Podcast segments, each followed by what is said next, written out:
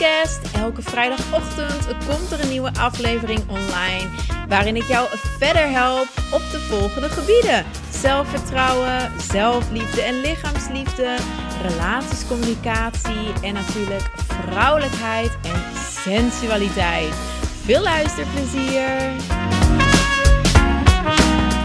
Ben natuurlijk lang burlesque danseres geweest. En ik heb nog altijd mijn eigen burlesque bedrijf, Kama World. Ik heb ook een eigen burlesque bar gehad. En burlesque is pretty out there. Het is voor heel veel mensen nog heel erg taboe. Vooral mensen die niet snappen wat het is.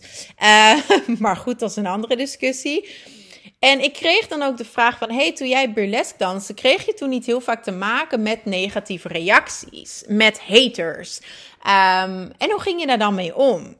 En daar gaat deze aflevering dus over. Hoe kun je omgaan met haters? Nou, allereerst, gelukkig is het mij vooral bespaard gebleven. Ik kreeg eigenlijk alleen maar heel positieve reacties op wat ik deed. Um, maar ik heb wel één keer gehad, en ik heb dat eerder denk ik ook al gedeeld hier op de podcast. Ik heb een keer een heel naar bericht gehad via Facebook. En dat is maar één. Maar ja, we weten allemaal It takes a thousand boys to erase one you suck. dus we, we tillen veel zwaarder aan zo'n negatieve comment dan dat we doen aan de honderden positieve comments en complimenten die daar tegenover staan. Dus die ene comment, ja, die weet ik ook zoveel jaren later nog altijd. Um, ik was op Facebook. Ik zag dat ik een uh, friendship request had. Dus iemand wilde mij toevoegen als vriend. Het was een vrouw. Ik kende haar niet, maar dat gebeurde wel vaker. Meestal hadden die dames dan interesse voor mijn burlesque cursus of voor mijn burlesque bar. Dus ik accepteerde haar en vrijwel meteen kreeg ik een bericht van haar. Dus ik in mijn positieve mind, hey leuk, een berichtje. Um, dus ik open dat bericht en er staat je bent een hoer. Uh, je verdient het om te sterven. En ik hoop dat ze je kind van je afpakken. Ongeveer die woorden.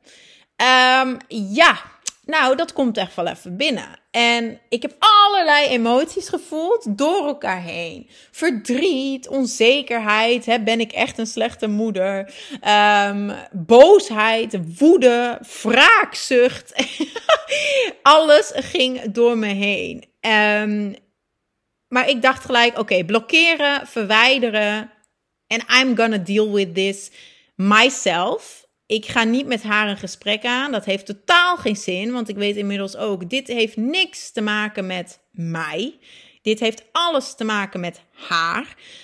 Um, dus ik ga haar ook zeker niet overtuigen dat ik wel een goede moeder ben of zo. Dat is alleen maar verspilde energie. Dus ik heb haar gelijk geblokkeerd, verwijderd. En ik ben er vervolgens even zelf mee gaan dealen van... hé, hey, oké, wat raakt dit nu in mij?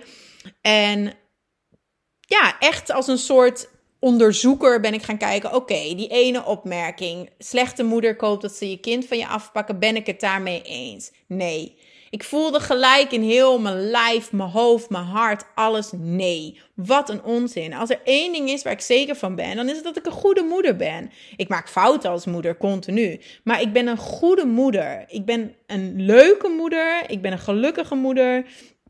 Um, dus nee, daar ben ik het totaal niet mee eens. Ik denk niet dat Noah beter af zou zijn als hij van me afgepakt in haar woorden zou worden. Dus dat kon ik eigenlijk gelijk aan de kant schuiven. En dan de hoeropmerking. Ja, daar is die sletvrees weer. Ik wist ook, oké, dat is ook iets van haar. Daar lopen heel veel vrouwen tegenaan. Ik ben geen hoer. Uh, zelfs als ik een hoer was, nog mijn ding. Hè? Uh, maakt me alsnog geen slecht persoon.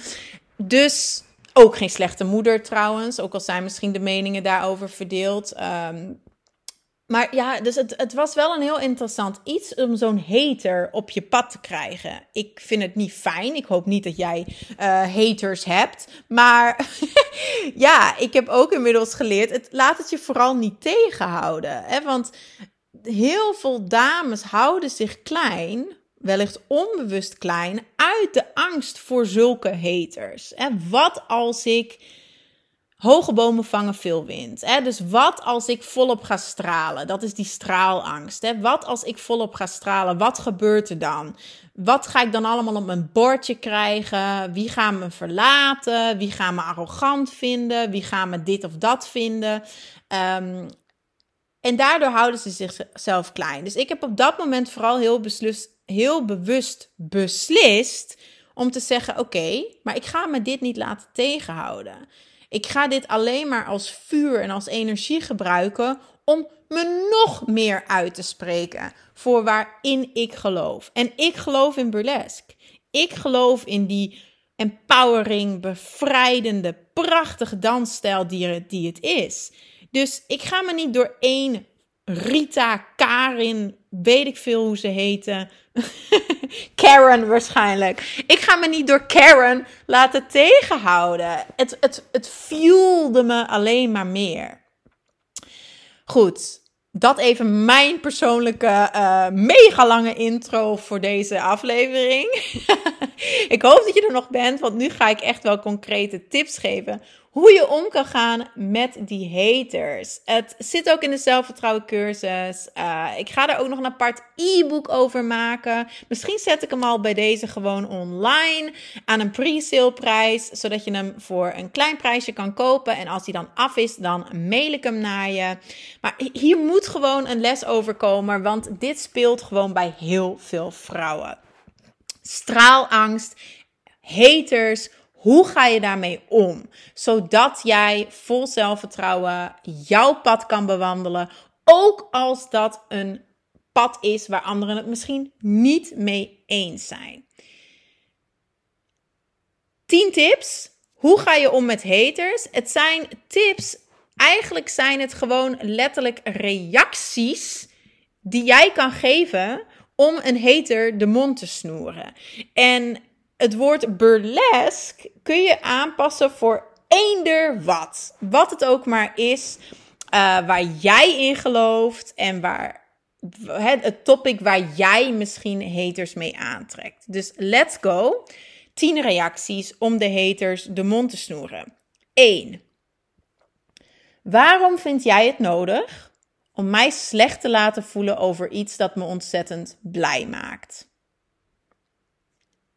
Geef gewoon die vraag terug.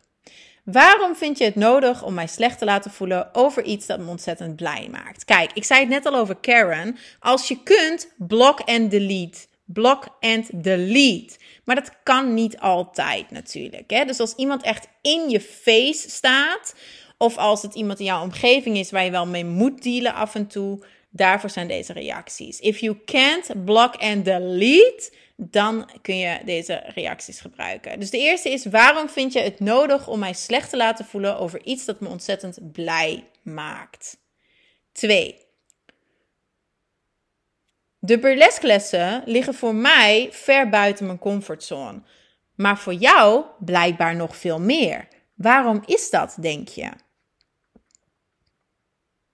En burlesque kan je met iets anders uh, switchen. Hè? Dus je kunt ook zeggen dat ik me uitspreek over het feit dat ik heel erg van geld hou en graag rijk wil worden, was vroeger ver buiten mijn comfortzone. Maar voor jou ligt rijk zijn blijkbaar nog veel verder uit je comfortzone. Waarom is dat, denk je? Dus je kunt het aanpassen zoals je wil. Dan de derde reactie Jammer dat jij zo negatief tegen burlesque of puntje puntje aankijkt. Laten we afspreken dat we het er niet meer over hebben. Let's agree to disagree. Dat is soms ook gewoon de beste reactie. If you can't block and delete, ga niet je energie erin steken om iemand te overtuigen. Dat heb ik ook heel lang geprobeerd. Doe ik niet meer. Als iemand echt set in his ways is, set in his mind is, burlesque is slecht, ja, dan ga ik je daar niet van lopen overtuigen. Ik kan mijn energie wel beter besteden. Dus daarvoor is deze zin goed. Jammer dat jij er zo negatief over aan, uh, tegenaan kijkt. Laten we afspreken dat we het er niet meer over hebben. Let's agree to disagree. Volgende reactie ik krijg het gevoel dat jij wilt dat ik me ervoor schaam. Maar dat doe ik niet. En jij gaat dat niet veranderen. Ik ben er namelijk juist ontzettend trots op. Ik krijg het gevoel dat jij wilt dat ik me ervoor schaam, maar dat doe ik niet. Het is heel daadkrachtig. En jij gaat dat niet veranderen. Ik ben er juist ontzettend trots op. Een meer positieve benadering is burlesque of puntje puntje maakt mij blij. Of maakt mij gelukkig of maakt mij zelfverzekerd. Maakt mij, hè, ontspant mij, iets positiefs. En dan zeg je, jij hoeft het niet leuk te vinden. Ik doe het voor mezelf. En ik gun jou iets, een hobby, een job, whatever, dat jou net zo blij maakt als burlesque mij maakt. Dus als ik het even op burlesque doe en dan kun je dat vervangen door iets anders. Burlesque maakt mij heel blij en zelfverzekerd. Jij hoeft burlesque niet leuk te vinden, ik doe het voor mezelf. En ik gun jou iets dat jou net zo blij maakt als burlesque mij maakt. Een heel simpele reactie is de volgende. Ik hoef me niet te verdedigen voor iets waar niets verkeerd aan is. Ik hoef me niet te verdedigen voor iets waar niets verkeerd aan is. Ik doe er niemand kwaad mee. Waar bemoei jij je mee? ik doe er niemand kwaad mee. Waar bemoei jij je dan mee? Dat is eigenlijk nog een reactie. nou, nog twee ga ik er doen. Soms stellen ze namelijk een vraag, maar het is eigenlijk een judgment in disguise. Je kent het wel, toch? Iemand stelt je een vraag, maar het is judgment in disguise. Dus um, ik had het ook een tijd geleden toen ik op vakantie ging. Ik ging op vakantie en een moeder op het schoolplein zei tegen mij: Nou, ik vind het zo knap dat jij alleen op vakantie kan en je kind gewoon achter kan laten een week. Vind ik heel knap. Ik kan dat niet. Ik, ik kan mijn kind echt zo lang niet missen. Oké. Karen, what are you really saying? I'm a bad mom. I don't love my kid. Uh, Oké. Kijk, dat is dus zo'n vraag. Hoe doe je dat toch? Op vakantie gaan zonder je kind. Een vraag, maar het is echt super judgy. Dus als iemand jou een judgmental vraag stelt, zeg dan, in het geval van burlesque, Stel je deze vraag over burlesque omdat je oprecht geïnteresseerd bent in sensuele dans of omdat je jouw vooroordelen op mij wil projecteren. Of omdat jij zelf niet weet hoe jij dit positief kan inzetten in je eigen leven. Dus als ik dit ook even snel vertaal naar wat ik net zei over uh, vakantie, op vakantie gaan als moeder dan had ik het kunnen zeggen. En volgens mij heb ik er gewoon genegeerd hoor. Of heb ik. Wacht, hè, ik ga even rewinden. Wat heb ik gezegd? Ze zei. Ik, hoe doe je dat? Op vakantie gaan zonder je kind? Ik zou dat niet kunnen. Ik zou mijn kind te veel missen. Ik heb letterlijk gezegd van. Vraag je me dit omdat je tips zoekt? Want het is inderdaad super belangrijk dat je als vrouw en moeder en mens tijd voor jezelf kan nemen. Dat maakt mij een betere moeder. Zoiets heb ik toen effectief gezegd. Dus als iemand jou een vraag stelt, verpakt als judgment, kun je echt zeggen van hey, is dit een oprechte vraag? Want ik kan je effectief tips geven. En het is inderdaad heel goed dat ik dat doe, alleen op reis ga zonder mijn kind. Dus ik kan je wel vertellen hoe ik tot dat punt ben gekomen. Want ik had daar vroeger ook moeite mee. Ik, ik, voelde me ook schuldig als ik dingen voor mezelf deed. Ik voelde me ook schuldig als ik mezelf op. En uiteraard mis ik mijn kind, dat staat er los van. Maar zo ben ik daar overheen kunnen stappen. Maar heel vaak is het dus gewoon echt een vraag wat eigenlijk vol judgment zit en je kunt een vraag terugstellen. Je kunt er even op ingaan. En je kunt het ook gewoon negeren, wat jij wil. Nou, de laatste is dan eigenlijk gewoon negeren. Maar ja, je zegt wel iets terug natuurlijk. Dus je zegt gewoon heel sarcastisch eigenlijk. Bedankt voor je ongevraagde mening. Uh, ik kom er later op terug, mocht ik daar de behoefte toe voelen. That's it. dus je zegt bedankt voor je ongevraagde mening. Kom er later op terug, mocht ik daar de behoefte toe voelen. En dan hou jij de kracht bij jou en dan kun je verder gaan met je leven. ja, ik vind echt dat je voor jezelf op moet komen. Ik vind ook dat je voor andere vrouwen op moet komen. Andere burlesdanseressen, andere moeders die zichzelf wel ook op één durven zetten, wat het ook is.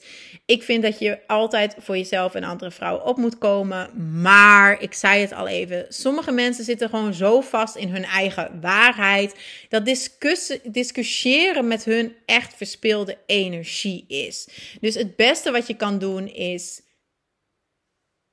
blok en delete, negeer, sta erboven, laat je niet gek maken.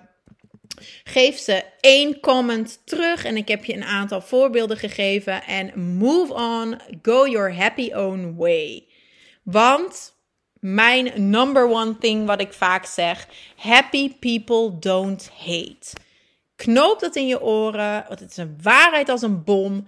Happy people don't hate als iemand de nood voelt om jou naar beneden te halen, om jou slecht te laten voelen, zeker over iets dat jou blij maakt, think about it, en waar je niemand anders kwaad mee doet, dan zegt dat echt meer over hun. Zij zijn niet gelukkig. Happy people don't hate. Als jij heel lekker in je vel zit, als jij weet wie je bent, wat je wilt, als jij vol zelfvertrouwen en zelfliefde bent, voel jij niet de nood om anderen naar beneden te halen. Sterker nog, empowered women empower women. Als jij empowered en gelukkig bent, dan voel je niet alleen niet de nood om anderen naar beneden te halen, maar je voelt juist het verlangen om anderen te helpen, om andere vrouwen mee te upliften.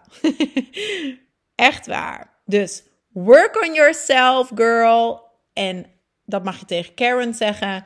En jij blijf lekker aan jezelf werken. Focus on you. Stay happy. Stay humble. Stay kind. En laat je niet door haters naar beneden halen. Nou, dat was de aflevering over haters. Mocht jij uh, je straalangst volledig willen doorbreken, stap dan in die zelfvertrouwen cursus. Ik ga je alle motivatie, inspiratie en uiteraard daar ook heel veel concrete oefeningen en tips geven om vol zelfvertrouwen en vol plezier door het leven te gaan. Want dat gun ik je. Ik ben er volgende week ook sowieso weer met een nieuwe podcast aflevering. Maar ik hoop je daarvoor al te ontmoeten, te mogen verwelkomen in de online cursus Zelfvertrouwen. Um, je vindt het uiteraard terug via elisevdplas.com. elisevdplas.com. Dikke kus, bye bye!